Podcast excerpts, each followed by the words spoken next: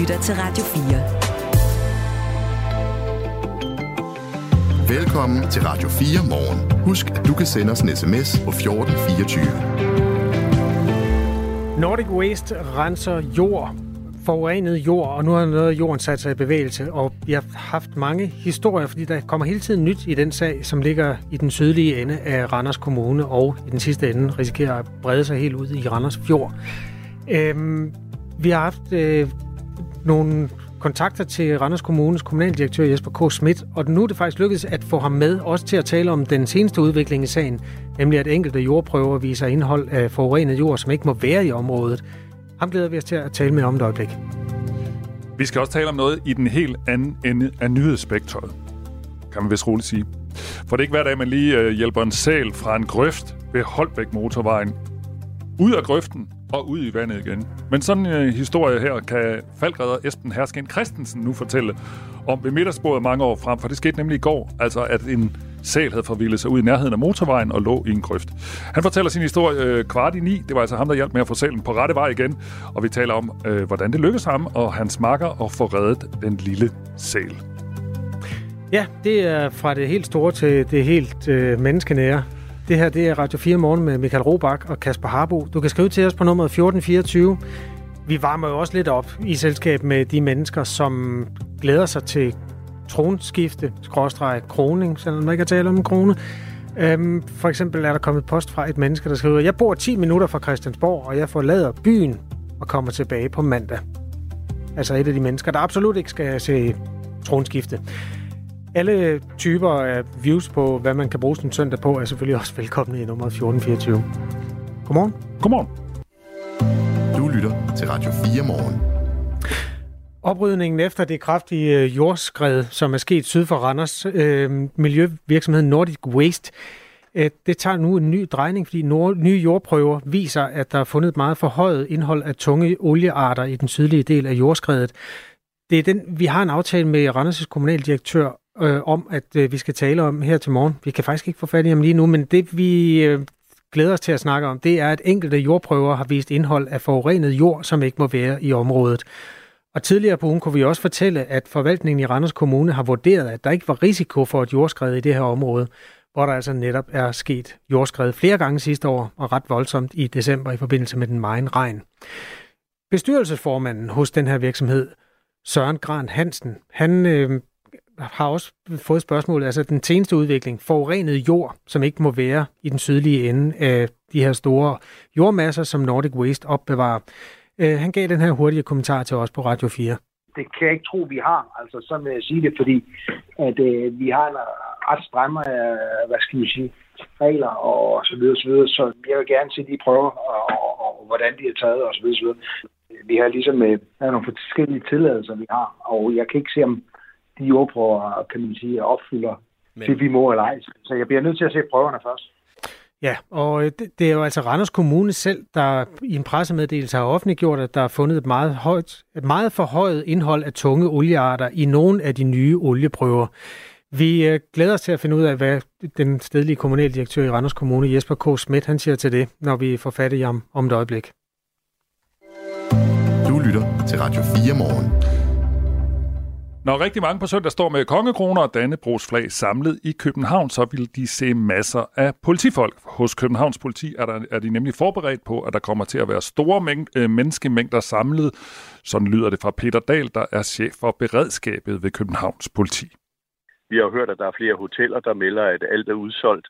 Øh, vi ved, at øh, DSB har meddelt, at mange billetter til København på søndag er udsolgt, og flyselskaber med videre. Så vi sidder jo i hvert fald med en klar fornemmelse af, at der kommer rigtig, rigtig mange. Men om der kommer 100.000 eller der kommer 200.000, det har vi simpelthen ikke nogen mulighed for at prøve at forudse. Men vi forbereder os jo på, at der kommer ekstremt mange. Og Peter Dahl fra Københavns Politi kommer med en anbefaling, hvis du skal bevæge dig rundt i Københavns gader på søndag. På søndag skal man simpelthen lade være med at tage en bil bare i nærheden af, af, af, af det indre København. Øh, netop på grund af de her meget massive afspærringer, så betyder det jo, at trafikken vil blive påvirket øh, et godt stykke nærmest ud af København. Det ved vi af erfaring. Bare et færdselsuheld ind i midten af København, og så holder man i kø ved køge. Det er simpelthen sådan, trafikken hænger sammen. Så en klar anbefaling om, lade være med at tage bilen ind til København øh, på søndag. Hvis man skal ind og overvære det her, øh, tag som udgangspunkt offentlig trafik. Vi henstiller faktisk også til, at inden for de afspærrede områder, man lader være med at tage sin cykel og lade cykel med ind for at skabe mere plads til flere mennesker, og så ved vi også bare erfaringsmæssigt, at cykler det er noget værd bøv. Øh, hvis der er sådan en, der vælter, så, så kan folk ikke komme rundt og sådan noget. Så parkere langt ude i periferien af, af det indre København, uanset om man er på cykel eller i bil, og så bevæge sig til fods herind eller med offentlig transportmiddel. Metroen kører jo. Og Peter Dahl, som vi hører her, som er chef for beredskabet ved Københavns Politi, fortæller, at de i Københavns Politi har forberedt sig med ekstra bemanding på dagen. Vi har massiv øh, ekstra bemanding på. Øh, vi har bedt om assistance øh, fra de omkringliggende, om de, fra de omkringliggende politikredse øh, i forhold til det. Altså man kommer simpelthen til at se på karetruten, at vi står om ikke skulder ved skulder, så vil man i hvert fald se, at politifolkene de kommer til at stå ganske tæt på den rute og ned omkring øh, Christiansborg, der vil vi være ved alle de indgange, der er til, til området omkring Christiansborg Slotsplads. Det er jo faktisk så heldigt, at man skal passere en eller anden form for, for bro for at komme ind på Slottholmen, og der vil vi være til stede ved alle de broer her også. Og Peter Dahl fra Københavns Politi vil ikke udelukke, at de kan risikere, altså politiet, at lukke pladsen for flere mennesker, hvis menneskemængden foran Christiansborg bliver for stor. Når vi ligesom vurderer, at nu kan der ikke være flere inde i, i det område her, men her snakker vi altså om, om mange, mange, mange, mange tusind mennesker, der kan være på grund af, at afspærringen er så, øh, hvad skal man sige, udvidet. Øh, men vi kommer til at stå og holde øje med hele tiden, at der ikke kommer et for kraftigt tryk derinde af mennesker, og så vil vi begynde at lukke af, og så må man jo placere sig, hvad skal man sige, på ydersiden af de afspærringer, vi har. Så derfor et godt råd er jo også, at hvis man vil have en god plads, så kom i god tid. Og det giver også, også en mulighed for ret tidligt at vurdere, om der er behov for at få spærret af. Peter Dahl, chef for beredskabet ved Københavns Politi, fortæller også, at øh, de har fundet alle tingene frem i arsenalet, og at politihunde øh, også bliver brugt i forberedelserne til tronskiftet. Det er jo selvfølgelig ikke nogen hemmelighed, at vi har øh, nogle muligheder med sprængstofhunde og andet, og det er klart, når vi har sådan en begivenhed her, så er det nogle af de redskaber, vi tager i brug.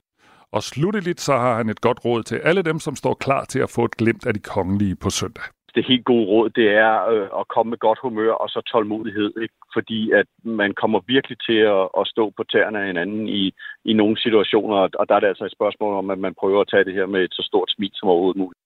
Så lød det altså fra Peter Dahl, som er chef for beredskabet ved Københavns politi. Det her er Radio 4 morgen. Nu vender vi os mod oprydningen efter det kraftige jordskred, der i december ramte en miljøvirksomhed i den sydlige ende af Randers. For den tager en ny drejning. Nye jordprøver viser, at der er fundet meget forholdet indhold af tunge oliearter i nogle af de jordprøver, der er taget i den sydlige del af det her jordskred, som man jo arbejder på at sørge for ikke breder sig til vandløbene. Randers Kommune har selv øh, offentliggjort det her på sin hjemmeside, der taler om enkelte jordprøver, der har vist øh, indhold af, citat, forurenet jord, som ikke må være i området. Den stedlige bestyrelsesformand øh, vil gerne se lidt nærmere på prøverne, før han udtaler sig sådan helt konkret om sagen. Men vi kan jo tale med dig, Jesper K. Schmidt, kommunaldirektør i Randers Kommune, som er med os nu. Godmorgen. Godmorgen. Hvad er jeres øh, holdning til det faktum, altså at der ifølge konklusionen er forurenet jord, som ikke må være i området? Jamen altså, det vi jo siger, det er, at øh, nu offentliggør vi jo hele tiden løbende vores øh, jordprøver og fortæller offentligheden, hvordan vi håndterer det. Altså, situationen er jo den, at vi hele tiden har kørt jorden øh, fra den her sydside ind på pladsen igen. At i forbindelse med, at vi så konstaterer noget, noget olieforurening, øh, øh, som er på området, jamen øh, så kan vi selvfølgelig ikke bruge den løsning mere, for vi kan jo ikke køre forurenet jord rundt i, og, i området. Så derfor så vælger vi så at give os mulighed for, at vi kan køre det væk med lastbiler. I forhold til det her med, øh, med hvor kommer det fra, altså der siger vi jo også, at det kan vi jo ikke sige på nuværende tidspunkt. Man kan jo, en ting er jo, at Nordic Waste har haft nogle aktiviteter, men i forbindelse med det der jordskred, så er der jo også en masse jord, som ligger, kan man sige, under jorden, øh, som jo har måske har ligget der i mange år. Så derfor så udtaler vi os jo ikke om, om det kommer fra Nordic Waste aktivitet, eller det er noget, der har været fra nogle aktiviteter fra tidligere. Det her er jo øh, også lidt kompliceret, fordi en virksomhed, der arbejder med at rense forurenet jord, må i sagens natur godt opbevare forurenet jord. Men lige præcis den her type må man altså ikke. Hvorfor ikke? Nej, men det, altså man kan jo sige, at det der handler om, det er noget at gøre med, hvad for nogle tilladelser man har. Så har man nogle tilladelser til at opbevare nogle forskellige jordtyper, nogle forskellige andre ting. Øh, og, øh, og der kan man sige, at hvis det er sådan, her konstaterer vi så, at vi bare har noget, øh, Øh, altså der er noget forurenet jord, og det vi jo har gjort før, det var, at vi ligesom har kørt noget jord fra et sted på pladsen til et andet sted på pladsen, og vi kan jo ikke have sådan en situation, at vi kører noget forurenet jord øh, rundt på pladsen, fordi så får vi det hele blandet. Og der har vi før været udfordret af, at vi ikke kunne, øh, det fra sydsiden af den der, det jordskred, der har vi ikke haft mulighed for at køre det væk, men det har vi nu skabt en mulighed for, så nu kan vi tage, når vi observerer noget, noget jord, der er noget olie i, jamen så har vi simpelthen kunne, kunne køre det væk nu. Og det er jo egentlig bare, som vi, som vi også siger, det er jo, det er jo ganske øh, roligt, øh, synes vi, fordi vi konstaterer noget forurening, øh, så kører vi jorden væk, øh, så opbevarer vi det, laver nogle yderligere prøver af det, og så kan vi køre det et andet sted hen. Øh, det er sådan, vi gør. Og i forhold til det der med, hvem, hvem er det? Er det noget jord, som de ikke måtte have osv.? Jamen, det, det forholder vi os ikke til på nuværende tidspunkt. Altså, mm. vi, vi siger, jamen, vi kan ikke sige, hvor det kommer fra, øh, og, og så må vi forholde os til på et senere tidspunkt. Jesper K. Schmidt er kommunaldirektør og med i Radio 4 morgen, fordi den her sag jo selvfølgelig vedrører både kommunen og de borgere, der bor i den men i den sidste ende også mange andre, fordi det, det er jo et jordskred, hvor man gør sig store bestræbelser på at undgå, at det glider ned i Allingå, og dermed kan det havne i Randers Fjord, og så er vi altså ude i nogle indre danske farvande, og det kan jo have konsekvenser både for dyr og en masse mennesker. Øhm, Jesper K. Schmidt, vi har jo dækket den her sag sådan i ugens løb, hvor der er kommet mange ting frem. Øh, forvaltningen i Randers Kommune, det var en af de historier, vi havde tidligere, har jo vurderet af flere omgange, at der ikke var risiko for et jordskred. Det kom frem i, i mandags det, det er jo ret paradoxalt. Det er jo lige præcis jordskred, vi taler om nu. Nu har vi ikke haft mulighed for at tale med, med dig om lige præcis det. Hvad er egentlig kommunens indstilling til, at man har lavet nogle undersøgelser, der viser, at det ikke kunne ske, når det så sker i så stor skala, som det gør? Det er ikke nogen øh, korrekt udlægning af sagen, det du siger her. Altså, det er jo, sagen er jo sådan, at øh, Randers Kommune giver miljøtilladelse, men det ændrer ikke på i forhold til udledning af øh, forskellige stoffer, og deri står der så, at man ikke må udlede noget som helst øh, til Allingå. Det er virksomhedens ansvar at drive virksomheden, og det er virksomhedens ansvar at håndtere jorden på pladsen. Det kan der ikke ændres på. Det, vi taler om, det er, hvorvidt der har været risiko for jordskred i området, og der har man jo der har været stillet nogle spørgsmål ved byrådsmøderne om, hvorvidt man vurderer, at det var en risiko. Og der, der har man altså fra Randers Kommunes forvaltningsside vurderet, at det ikke var en risiko. Det er det jo tydeligvis, når det har fundet sted. Hvordan håndterer I det, at det så er sket alligevel, når man har modsat, hvad skal man sige, vurderet, at det ikke vil ske? Øh, vi, vi bygger vores øh, vurdering på det, virksomheden kommer med. Hvis virksomheden fremlægger dokumentation for, at de, har, de kan håndtere jorden, og de har styr på jorden på deres plads, jamen så er det deres ansvar, og det har vi også gjort i det her tilfælde. I 2023 der har vi forholdt os til, at der skulle gives en miljøtilladelse til at lave et ressourcecenter, og i den forbindelse spørger vi også virksomheden, om de har styr på den del vedrørende jorden, og det svarer de, at det har de, og samtidig så siger de også, at det, øh, den etablering af det, jords, det ressourcecenter, det har ikke nogen betydning i forhold til jordskred. Så det ændrer ikke på, at det er virksomheden, der fremlægger dokumentation for, det er virksomheden, der har ansvaret. Sådan er det. Det, der jo er det nye i sagen er, at, eller det er virkelig det gamle i sagen er, at det er sket 14 gange tidligere. Det viser nogle opgørelser fra GEUS, øhm, og dermed kan man sige, at virksomheden har måske i hvert fald ikke lavet sine undersøgelser grundigt nok, og det er også derfor, vi i sin tid gerne vil tale med jer om den sag. Hvad, hvad er så din holdning til det nu, hvor det viser sig, at man rent faktisk måske ved at tale med det her, altså med GEUS om det, kunne have opdaget, at der var en risiko for jordskred i området? Det er sådan, at virksomheden er bekendt med, at der kan være jordskred i området, og virksomheden fremlægger dokumentation for, at de har styr på det, og det er det, kommunen skal lægge til grund for vores afgørelse. Det ændrer ikke på, at det er under alle omstændigheder efter miljølovgivningen, så er det virksomhedens ansvar at håndtere øh, sådan en situation på deres eget område. Grunden til, at jeg bliver ved med at spørge til det, det er jo fordi, virksomheden har jo lavet nogle vurderinger, som så tydeligvis ikke er rigtige, og det er jo derfor, vi står og taler om en potentiel øh, miljø katastrofe nu. Jeg tror, øh, Miljøministeren også brugt, jeg kan ikke huske, om han sagde bombe eller katastrofe, men altså, han har også havde den store ordbog fremme. Hvordan oplever du så, at det samarbejde har været, øh, når, når nu, man kan sige, vurderingen har været så forkert, som den har? Jamen altså, man, jamen altså, det har jeg ikke nogen øh, kommentar til. Altså, vi står midt i en alvorlig situation, og den koncentrerer vi vores opgave i at løse. Det er jo det, det handler om lige nu, det er, at vi skal afværge en, en mulig miljøkatastrofe og det kæmper Randers Kommune med hver eneste dag, 24 timer i døgnet. det er jeg sikker på, at de mennesker, der bor i nærheden af åen, er rigtig glade for, at den indsats, der bliver gjort i det her. Men der er sikkert også nogen, der stiller sig selv spørgsmålet, altså, hvad, hvad med forarbejdet? Har det været godt nok? Kommer der et senere tidspunkt, hvor I vil tage stilling til, om, om det har været en seriøs vurdering, de har lavet, når det nu viser sig, at det 14 gange er sket tidligere? Altså, jeg mener, som jeg har sagt flere gange før, det er altså sådan i Danmark, at der er et objektivt ansvar i forhold til miljølovgivningen, og det er virksomhedens ansvar. Det kan ikke betvivles. Altså, det er deres ansvar at drive virksomhed. Det er deres ansvar at håndtere øh, de ting, der foregår ind på deres øh, område. Nu står vi i en situation, hvor at øh, jorden er skredet, og det er den, vi skal håndtere. Øh, når alt det her er færdigt, så vil man naturligt evaluere hele forløbet. Det er der ikke noget underligt i, øh, fordi det har været en meget, meget stor operation, som øh, Randers Kommune har stået for. Øh, vi har en dialog med virksomheden, og det vil vi selvfølgelig fortsætte med. Godt. Øh, det jeg forstår på dig er, at I altså sådan stadig oplever samarbejdet med virksomheden som godt. Er det rigtigt forstået? Vi har en dialog med virksomheden og deres øh, ledelse, og, og det fortsætter vi med. Godt. Og, og den her, sådan, hvor man så tager stilling til, om, om man kunne have set det komme, når det er sket 14 gange tidligere, det, det er en evaluering, som I vil vende tilbage til. Er det også rigtigt forstået, Jesper K. Schmidt? Det ændrer ikke på, at det er virksomhedens ansvar. Det er virksomheden, der har et objektivt ansvar i forhold til miljølovgivningen. Øh, sådan at det er Randers Kommune har givet en miljøtilladelse, som siger, at virksomheden ikke må udlede noget til Allingå.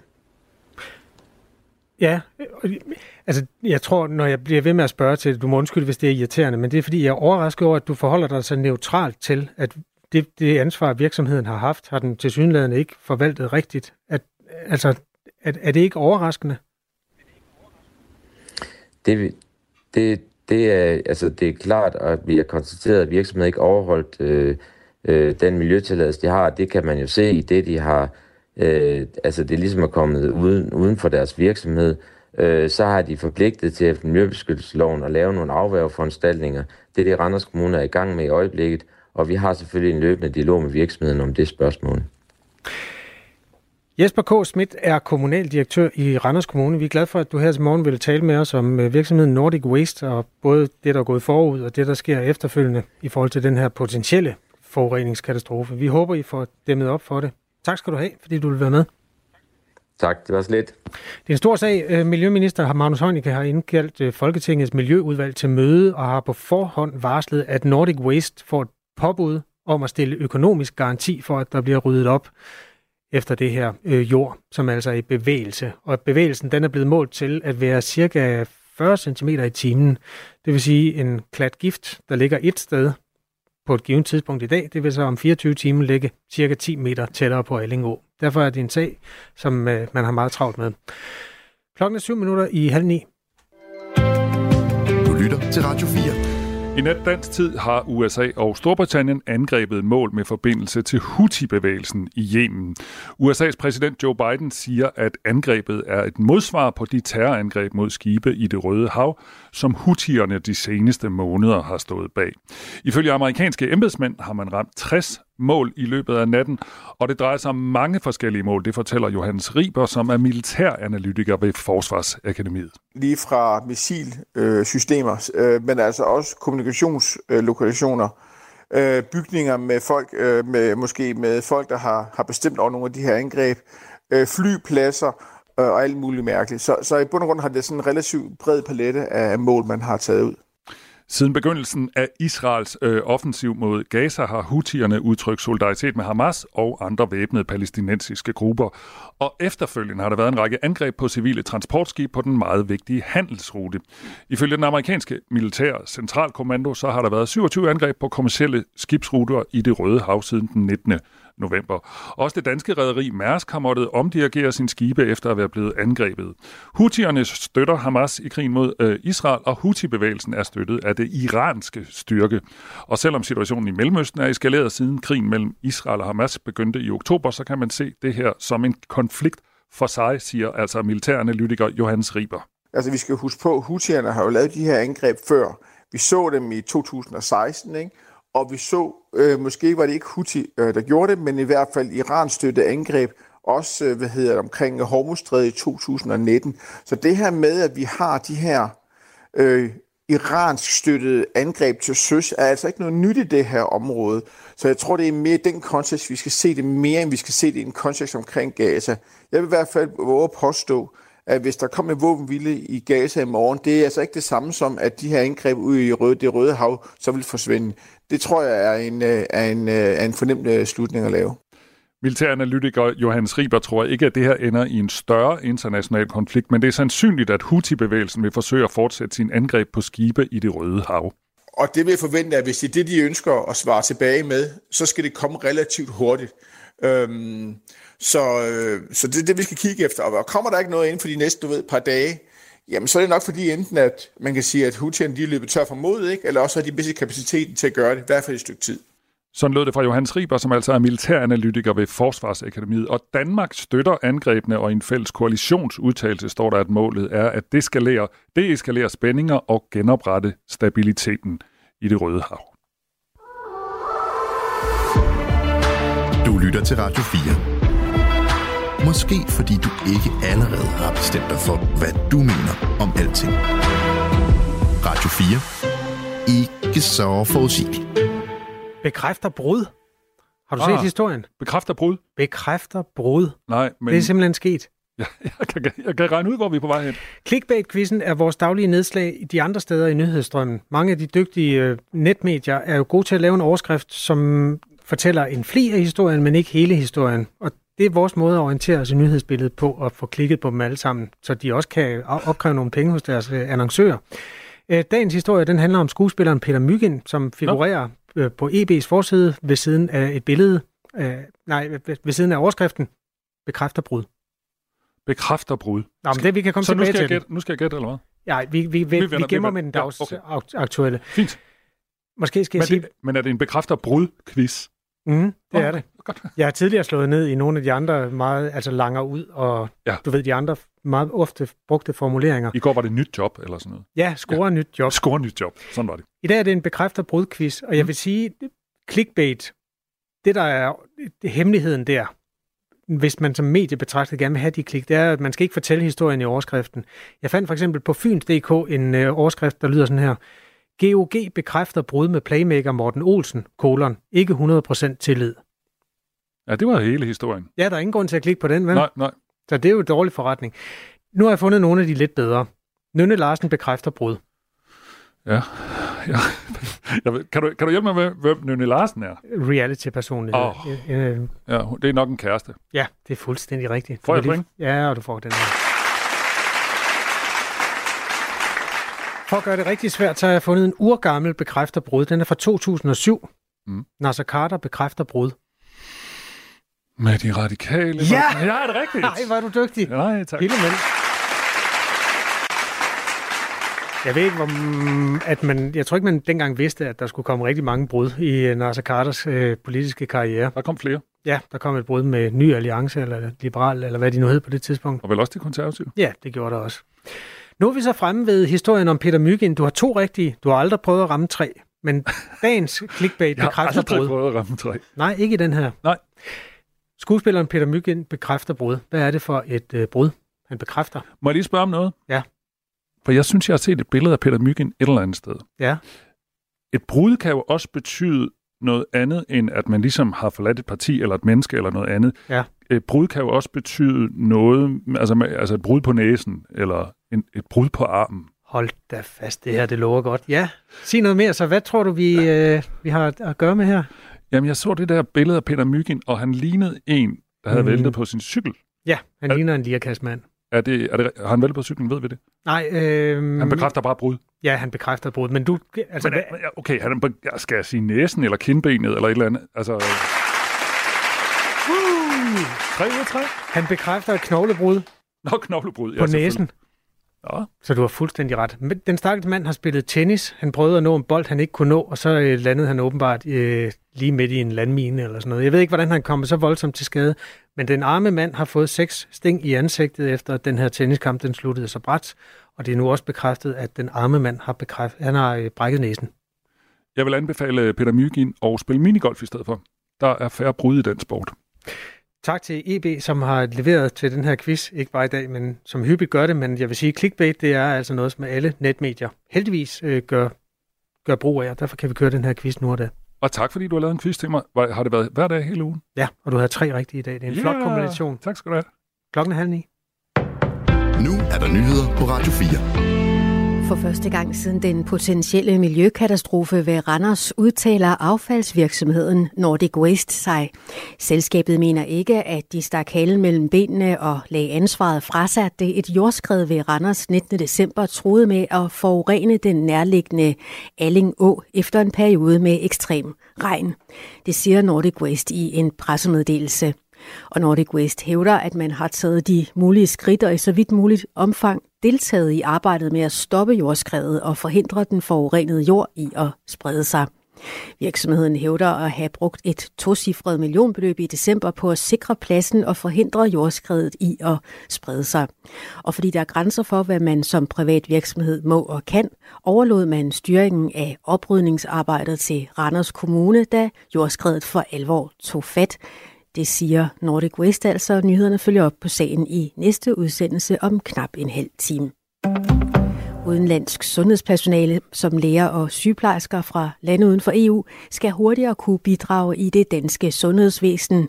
Sådan lyder det fra Indenrigs- og Sundhedsminister Sofie Løde. Vi har hårdt brug for kvalificeret arbejdskraft i vores øh, sundhedsvæsen, øh, men vi oplever desværre jo også, at der er rigtig mange dygtige udenlandske øh, sygeplejersker og øh, læger, som øh, oplever, at de nuværende regler simpelthen spænder ben for, at man kan komme ud og give en hånd med og bidrage i det danske øh, sundhedsvæsen. Regeringen foreslår derfor en genvej. Vi foreslår at indføre den her nye shortcut autorisationsproces for, for udenlandske sundhedspersoner, som er særligt efterspurgte og som vel at mærke har et konkret øh, tilbud på hånden om ansættelse. I dag skal eksempelvis en udenlandsk læge først have bestået en sprogprøve i dansk, bestået medicinske fagprøver og bestået et kursus i dansk sundhedslovgivning, før lægen kan få en evalueringsansættelse. Inden da skal ens uddannelse i udlandet vurderes egnet til at blive afprøvet i praksis. Her har ventetiderne været lange hos Styrelsen for Patientsikkerhed. Efter ombudsmanden slog fast, at ventetiden var for lang, er vurderingen dog nede på to måneder. Det oplyser Sundhedsministeriet.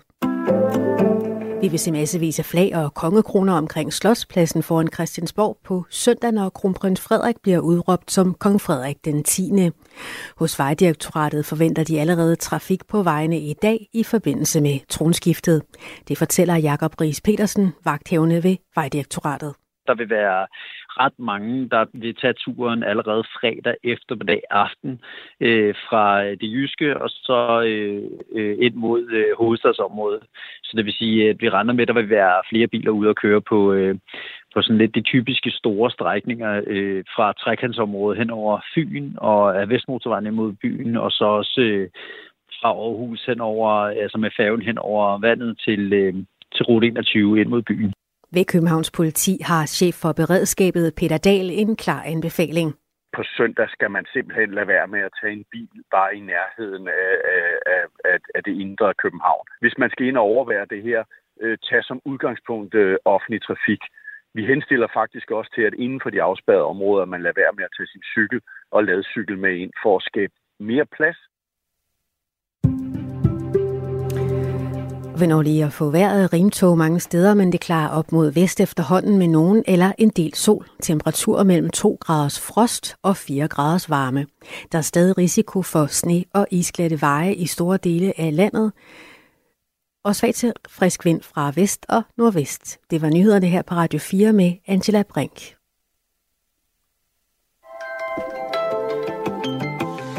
Det her er Radio 4 morgen. Husk, at du kan sende os en sms på 1424.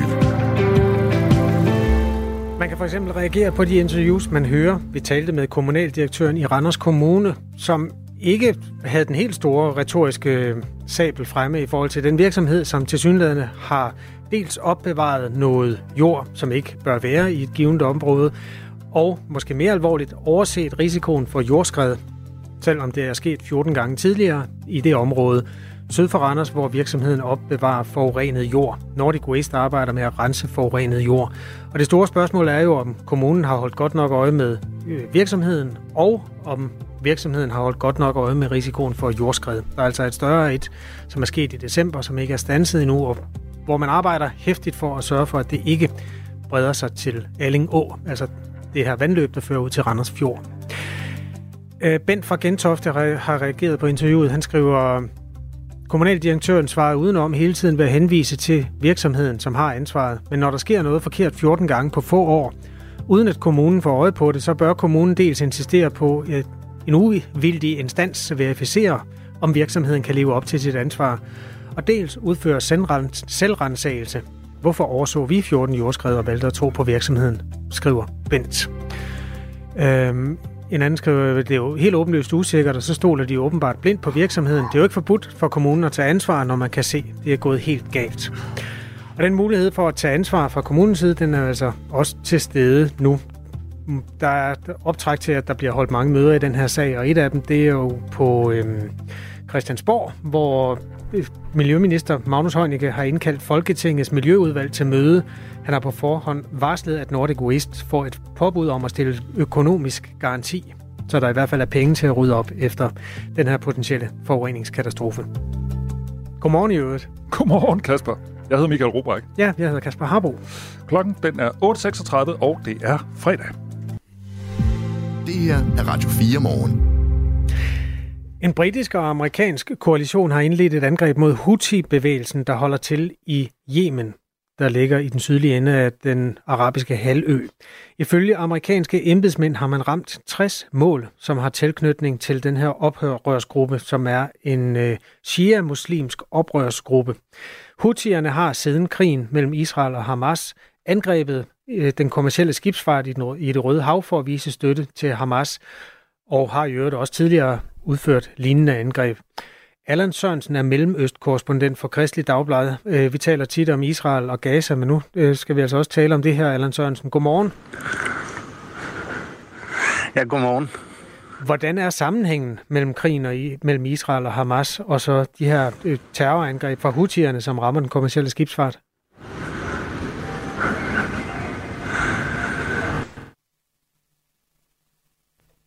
Selv var inde på, øh, at til at starte med, altså efter Hamas' angreb den 7.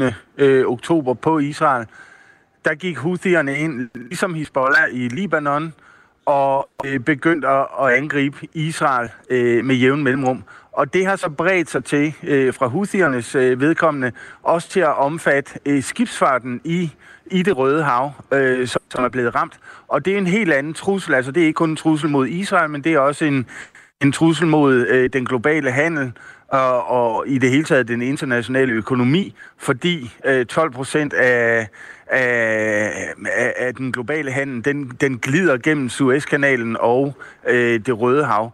Så det har ligesom øh, trappet op, og det er derfor den her alliance, den vestlige alliance, som Danmark også er med i, at den nu øh, træder i karakter mod øh, de her angreb fra Jemens side. Houthierne er altså en oprørsgruppe i Yemen med shia-muslimsk baggrund, og det er en gruppe, som i mange øh, sammenhæng bliver udlagt som støttet af det iranske præstestyre, som jo også er øh, hård islamisme. Allan Sørensen, hvilken interesse har Iran i at øh, ødelægge skibstrafikken gennem Suezkanalen? Iran har en interesse i at, at, at spille højt spil, om man øh, kan sige det på den måde, eller i hvert fald at aktivere sine regionale aktører, sådan at Iran øh, bliver for svært et mål at angribe øh, for USA's og for Israels vedkommende. Alle ved, både USA og Israel, også øh, Danmark, øh, Vesten, Iran, der trækker i tråden her. Men der er ingen, der har snakket om at angribe Iran, fordi at det øh, på grund af Houthierne, på grund af Hezbollah, på grund af Hamas, på grund af alle fører, som, som Iran har, der er det for risikabelt at angribe øh, Iran, fordi alle de her spillere vil blive aktiveret. Og derfor aktiverer Iran dem i øjeblikket på sådan en, en slags, øh, altså ikke, ikke en åben krig, ikke en, ikke en fuldbyrdet krig mod Israel og mod de vestlige øh, mål, men sådan en slags udmattelseskrig, hvor der her og der er angreb. Og det gør Iran, øh, hvis vi tænker på, på øh, Ayatollah-styret i Iran, de gør det for hele tiden at minde Vesten om, at det er alt for risikabelt. Altså, der kan ske virkelig meget, og hele regionen kan blive sat i flammer, hvis øh, Øhm, Israel, USA eller andre vestlige aktører, de skulle få den idé at angribe Iran. Det er simpelthen et spil øh, fra Irans side, øh, og, og et signal om, at det skal de ikke, øh, eller det vil, det vil være for farligt for dem at gøre det. Nu har USA og Storbritannien altså i fællesskab angrebet de her 60 mål inde i Yemen, hvor man mener, at de her Houthier holder til. Normalt vil det jo ikke gå stille af, når, når nogen angriber et suverænt land. Altså, det, Houthierne er jo ikke en del af det officielle jemenistiske styre. Det er en oprørsgruppe, men ikke desto mindre. Altså, er der ikke nogen i Yemen, der kan risikere at blive utilfreds med, at man pludselig fra amerikansk og britisk side bomber løs inde på deres land? Jo, det er der selvfølgelig, og, og specielt hvis det her ikke bare er en enkeltstående hændelse.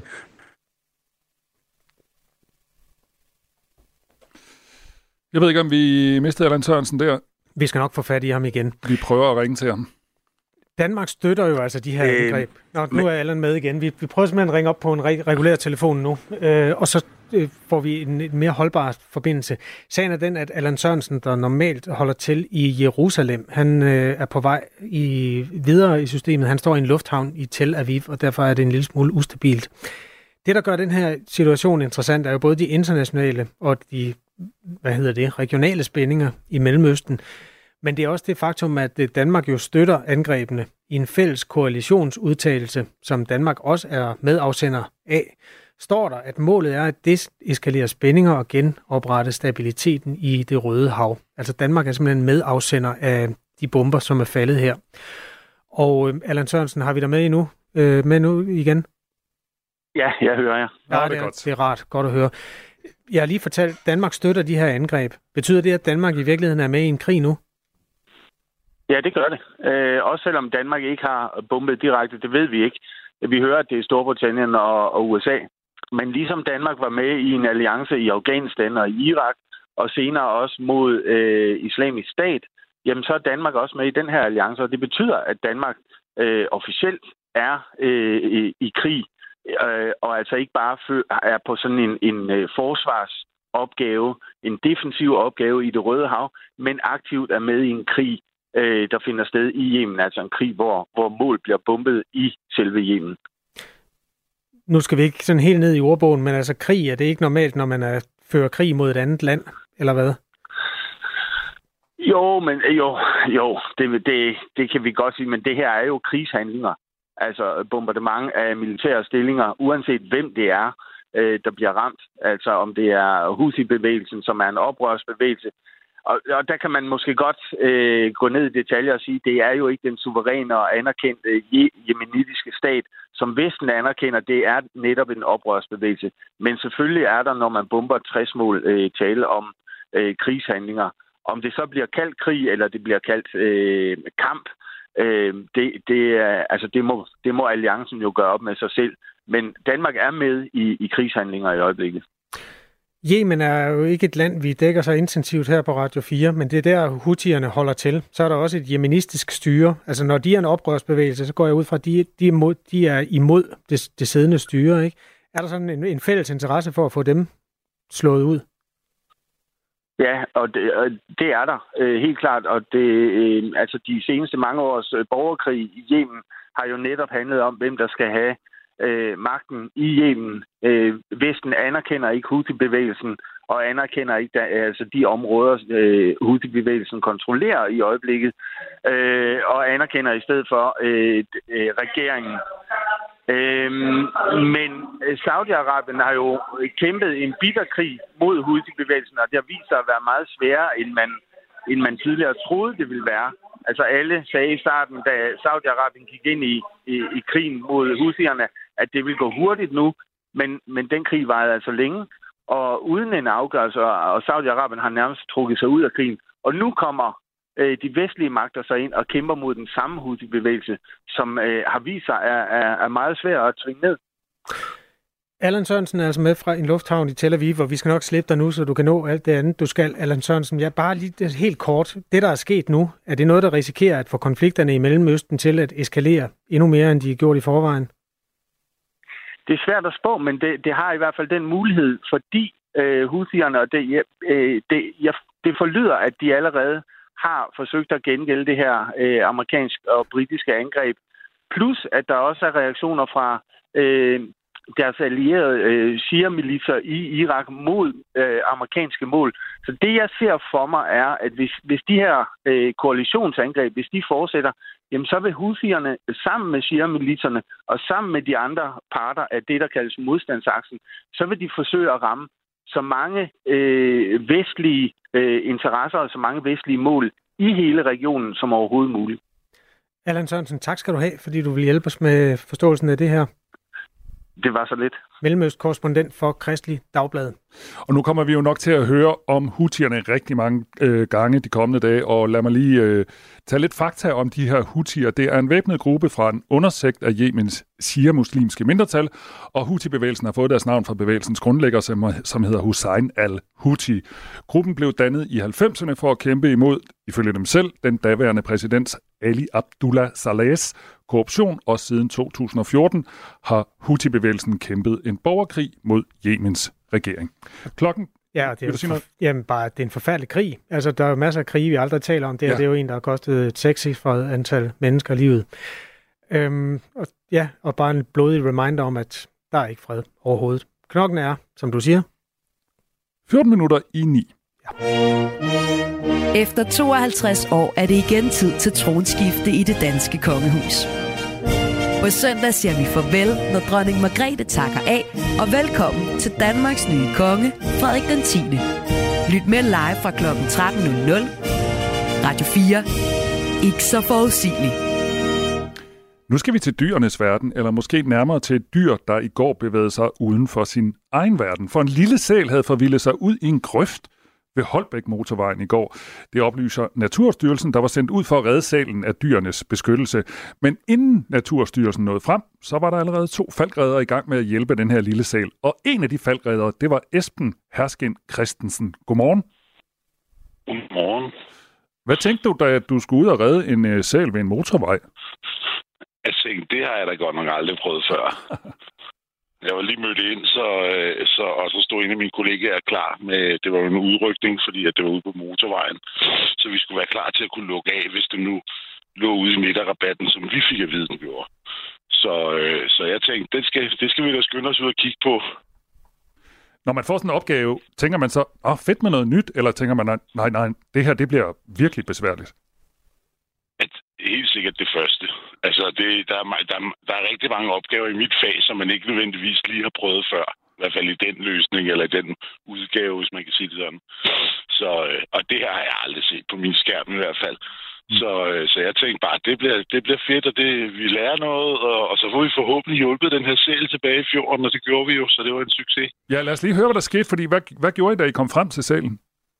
Jamen, først skulle vi lige lokalisere den, og som jeg startede med at sige, så, så troede vi, at den var i midterrabatten, så vi havde jo tavlevognen med os for at lukke af. Men det viste sig, at den var ude i mellem en cykelsti og motorvejen.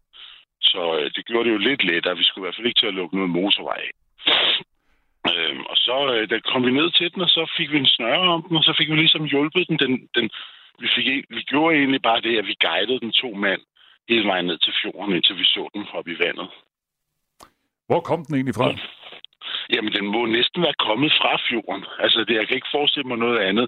Og det var også der, den søgte nedad, da den ligesom, øh, da den så os to. Vi kom jo som sådan to. Det var ikke sådan, det var ikke synderligt begejstret for os, okay. må man sige. Øh, og, den, og de er jo faktisk farlige sæler. Altså, men tænk, de ser så søde ud, men det er jo et rovdyr. Så, øh, og de har faktisk nogle bakterier i munden, der gør, at man, øh, man skal altså ikke bide sig sådan en. Fordi det kan faktisk godt have nogle øh, ubehagelige konsekvenser.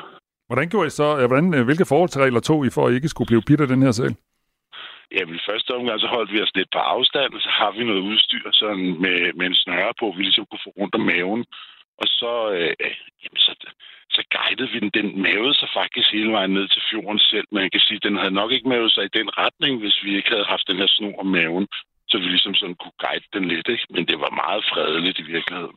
Udover den bed nogle gange i vores, i vores værktøj der, ikke? I vores udstyr. Øh, så, øh, så man skulle ikke stikke hånden ned til den. Det var da i hvert fald sikkert. Og når du snakker om fjorden, så er det så Roskilde Fjord. Så I den så også ligesom øh, tage de første svømmetag ude i fjorden? Ja, altså vi så den komme ud på lavt vand, ikke? og så, øh, så forsvandt den. Så kunne vi ikke se den derfra. Så, øh, så det må vi sige ja til. Var den, var den syg eller dårlig eller noget som helst, eller var den bare frisk? Nej, som en det vil være synd at sige. Og Naturstyrelsen kom jo også ud i tilfælde af, at den skulle have været syg. Men altså, vi kunne se på den, hvordan den agerede, at den, den virkede frisk. Og for hvad, altså, det er jo sådan med babyceller, at de, øh, moren forlader dem jo, så vidt jeg forstår på dyr, gennem dyrenes beskyttelse, at moren forlader dem, øh, og så må de klare sig selv. Øh, og det er jo lidt ubarmhjertigt ud fra et menneskeperspektiv, men, øh, men ikke desto mindre, så, så har den jo nok været ude at lede efter noget vand, noget mad eller noget i den stil. Mm. Den er ikke for klog, hvis den har let efter vand. Altså kom den ikke fra vandet? Nej, nej vand, det var også en talefejl på okay. min side. Nå, men det fandt den i hvert fald vandet, og lad os håbe, den også har fundet noget at spise. Øh, Esben Herskin øh, Christensen, jeg ved, du også har været ude til en fastklemt and og en kanin med vejrtrækningsproblemer. Hvor ligger du den her, henne, øh, den her oplevelse henne på din skala? Ja, det, det, må være, det må være sådan. Det har ikke prøvet noget mere interessant end det, når det kommer til dyr i hvert fald. Det var godt, det hele endte lykkeligt. Tak fordi du var med i Radio 4 morgen. Jamen, selv tak, og god dag. Ja, i lige måde. Ja, god, god, dag. god arbejdsløs, hvis tak. du skal på arbejde. Jo, jo. Vi lever i et godt og fredeligt land, hva'? Det må man sige. Klokken, den er 9 minutter i 9. Radio 4. Ikke så forudsigeligt. For evigt,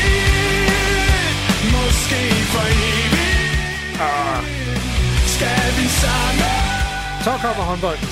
Så er der håndbold. Og Danmark ja. vandt over Tjekkiet. Øh, ja. Punktum. Øh, og, og ellers? oh, hurtigt videre. 23-14 øh, vandt Danmark. Ja. Så øh, rimelig øh, overlegnet. Ja. Ikke så mange mål. Jeg synes, jeg læste et sted, at det var den landskamp, at, øh, hvor Nikolaj Jakobsen har været træner, hvor der blev scoret flere, færrest mål samlet ja. set. Så det var ikke noget målåke. Men øh, jeg tænkte egentlig, nu har du quizzet meget hele ugen, om du var mm. frisk på en lille håndboldquiz, og det er ligesom Nikolaj Jakobsen-quizzen. Kan vi lave den så udadvendt, så hvis der er nogle spørgsmål, jeg ikke kan svare på, så ryger det videre til de mennesker, der hører programmet, øh, for at der også skal være noget i det for dem. Og så dem, der ligesom kan samle den op, de kan eventuelt vinde noget. Det kan vi sagtens. Godt, Jamen, så tager jeg med. Skal de skrive på 1424 eller hvad? Ja. Yes. Øhm, ja, altså det er Nikolaj Jakobsen, fordi han er vel faktisk stadig en af de største stjerner i truppen, så det er ham, vi skal snakke om. Mm. Mm. Og øh, hvis du svarer rigtigt, Kasper, så får du den her.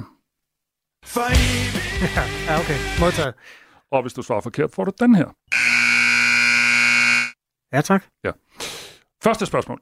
Der er fire i alt. Nikolaj Jakobsen er den, den danske håndboldspiller, der har scoret flest mål i en enkelt kamp, altså da han selv var spiller. Mm. Flest mål i en enkelt kamp, da han selv var spiller. Hvor mange var det? Får jeg plus minus noget? Hvad betyder det? Ja, det betyder, at der er en lille ramme, sådan at hvis jeg rammer en forbi, så er det stadig rigtigt. Ja, det kan vi godt sige. Ja, så siger jeg 16. Ja, så er det rigtigt. Øh, undskyld, du skal have den her. For evigt. 15. Tak. Ja, Fedt. ret sejt. Hvem var det mod? Øh, det var mod Grækenland i 1998. Nå, dejlig kamp. Ja, super kamp. Spørgsmål nummer to. Øh, Nikolaj Jakobsen var også meget, meget god til en anden sportsgren, da han var ung. Og på et tidspunkt, så måtte han vælge mellem øh, den sport og håndbold. Hvilken mm. sportsgren var han også meget, meget god til? Basket. Nå, jamen så er sms'en åben på 1424, hvis man ved det. Man skal skrive, og så finder vi en øh, passende præmie til den første, der rammer det rigtige svar. Mm. Okay. En ud af to. Det er ikke helt godt. Nej, men altså, du har øh, to spørgsmål mere. Øh, Nikolaj Jakobsen har flere tatoveringer på armen. Tre store og en masse små. Mm. Hvad symboliserer de der tatoveringer? Det er jo tit sådan... Øh, når altså folk... ikke, hvad de forestiller, men hvad de symboliserer? Ja, fordi det er stjerner. Øh, det er jo tit sådan, når folk har tatoveringer, så øh, er det et eller andet... Ja, det er hans børn. Ja. Ja. Ja.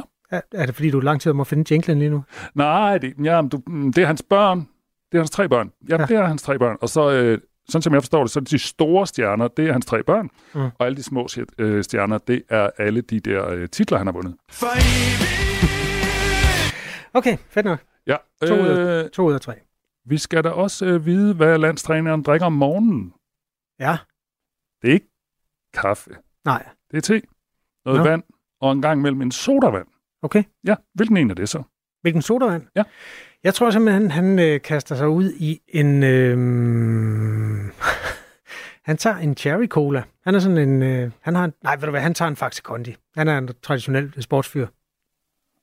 Nej, det er forkert. Nå. Eller jeg skal huske min jingle. Du får den der. Okay. Øh, det, jeg tænker, at vi godt kan lade den... Øh, Skal jeg sige, hvad det er? ja, den der, den lader vi leve. Yes. Det er Cola Zero. Ligesom Inger Støjberg. Nå, okay. Ja, Ja. det var det er da lidt fortjent. Ja, og så havde vi jo et hængeparti, fordi du troede, at Nikolaj Jakobsens anden, eller den anden sportsgren, han var rigtig, rigtig god til som øh, ung. Det var basket. Ja, det troede jeg. Det troede du, men øh, lytterne er klogere end dig. Okay.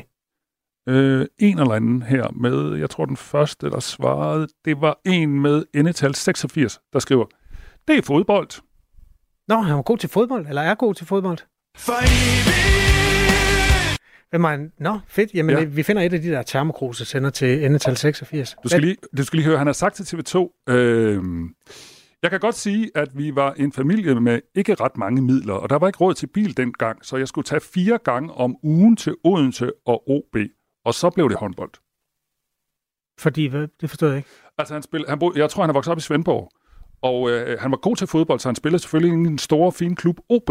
Nå, Og så øh, var der simpelthen ikke råd til familien til, at han kunne ligge og pendle mange gange frem og tilbage til OB for at spille fodbold. Og så tænkte han, eller så blev det faktisk håndbolden, for det kunne han spille lokalt. Nå, Svendborg har da også haft øh, divisionshold i mange år. Høje Bøge Stadion og alt det der. Men øh, okay. Ja. Det var da godt, han blev øh, skal håndboldspiller. at se, det skal vi være rigtig glade for. Fedt. Jamen, øh, vi finder nummer 86 og premierer ham, og vi siger tak til dem, der inde i deres hoveder har gættet med i Robraks quiz. Og frem for alt vil jeg godt sige tusind tak til dig, for, fordi du vil øh, give os den. For evigt, måske for evigt, skal vi samme, samme vej. Og når i morgen får øjne, Du har taget fingeren op. Jamen, det er for at signalere studie 1, fordi der står Morten Reimer, vores kollega, som er øh, vært på Det Blå Hjørne. Det Blå Hjørne er jo vores øh, politiske magasin, der udspiller sig her kl. 9.05. Og hvis du river faderen op, så kan vi sige godmorgen til Morten. Hej Morten Reimer. Godmorgen. Godmorgen. Det har været en spændende uge i den blå side af landskabet. Vi har jo tidligere talt med dig om nye borgerlige, men jeg går ud fra, at du også vil vende hver en sten i sagen her mellem 9 og 10. Ja, det kan du tro. Vi får besøg af tre rigtig, rigtig spændende mennesker. Det er Hans Christian Skiby fra Danmarksdemokraterne, det er Mette Thiesen tidligere fra Nye Borgerlige, nu Dansk Folkeparti, og så er det Janne Jørgensen fra Venstre. Vi skal prøve at snakke lidt om, hvad øh, betyder det her for Blå Blok, at Nye Borgerlige de nedlægger sig selv, og hvad for et tomrum kommer de til at, at efterlade, og kommer til at være en styrket Blå Blok, simpelthen af, der er færre blå partier. Og nu siger du det i meget bestemt form, at øh, nye borgerlige bliver nedlagt, men det er jo altså på en dag, hvor flere lokale formænd har sagt, at den kan vi da godt tage os af, den der. Og, øhm, de vil gerne samle resterne af partiet op og, og løbe det i gang igen. Der er jo en fuld organisation, og der er et ungdomsparti, som ganske vist også har varslet, de skal nedlægge sig selv, men ikke desto mindre, der er jo der er nogen, der gerne vil drive det videre. Det er fuldstændig rigtigt. Og øh, det er jo også en, en diskussion, hvad, hvad er det for, for et parti, der måske kan få lov til at leve videre efter det her, og, og er der en fremtid for Nye Borgerlige uden øh, Pernille Vermund? Jeg synes, det må være meget fristende, hvis man er en øh, lokal politiker, at overtage en organisation, der er så udbygget. Altså, det er jo et kæmpe ar- arbejde Mm. at starte et, et parti med lokalforeninger og sådan noget. Ja, men det er helt rigtigt, fordi tit, når vi tænker på partier, så tænker vi automatisk Christiansborg, men parti er jo også kommunalt, det er også ude i regionerne, det er også Europaparlamentsvalg, og det er en hel masse frivillige, og det er plakater, og det er pjæser, og det er lokalformænd, så det er jo en stort maskineri, der, der bliver efterladt, og måske er op for grabs for nogen, der kunne tænke sig at videreføre det. Morten Reimer, øh, når du nu lige præcis vælger de her øh, forhenværende øh, nye borgerlige, så, så er, det, er det et bevidst fravalg af for eksempel Værmund, eller har hun takket nej? Og jeg tror, at vi skal snakke lidt om fremtiden for, øh, for Blå Blok, og vi skal snakke lidt om, hvad de andre partier kommer til at, at kunne få ud af det her. Der nogen, der kunne tænke sig at få Pernille Vermund og Kim Edberg over i deres butik måske, og også hvad er det for et samarbejde, de har haft med de blå partier? Det er også ved at være en interessant øh, bænk, der er der bagerst i Folketingssalen med, er der ikke seks løsgængere efterhånden? Der er i hvert fald rigtig, rigtig mange, ja, og det er jo også spændende i en, i en tid, hvor at øh, den her brede flertalsregerings flertal ikke er så bredt, som der har været. Hvis man kunne samle dem, så havde man faktisk allerede Folketingets 10. største parti. Ja, er noget den størrelsesorden. Ja, rigtigt. Morten Reimer, dejligt, du lige vil øh, hilse på os. Ha' en øh, god fornøjelse med dine gæster. Sig lige igen, hvem det er. Jamen, det er Mette Thiesen, det er Hans Christian Skiby, og det er Jan E. Jørgensen. som rydder op i den blå blok sammen med vores kollega Morten Reimer i Det Blå Hjørne, som er det politiske magasin, som finder sted på den her radiokanal om 5 minutter. Og øh, der er jo også ringt til Radio 4, vores øh, debatprogram. Det er der nemlig, og de taler om et par af de emner, vi også har talt om. Øh, det er, øh, de spørger, skal det være ulovligt at flage med andre nationers flag? Det var også en sag, vi kiggede på her til morgen. Og så spørger de også, skal kronprinsen ændre sig, når han bliver kong Frederik? Bør han for eksempel holde op med at tage på festival? Det er spørgsmålene. God fredag og god weekend. Klokken er 9. Du har lyttet til en podcast fra Radio 4. Find flere episoder i vores app, eller der, hvor du lytter til podcast. Radio 4. Ikke så forudsigeligt.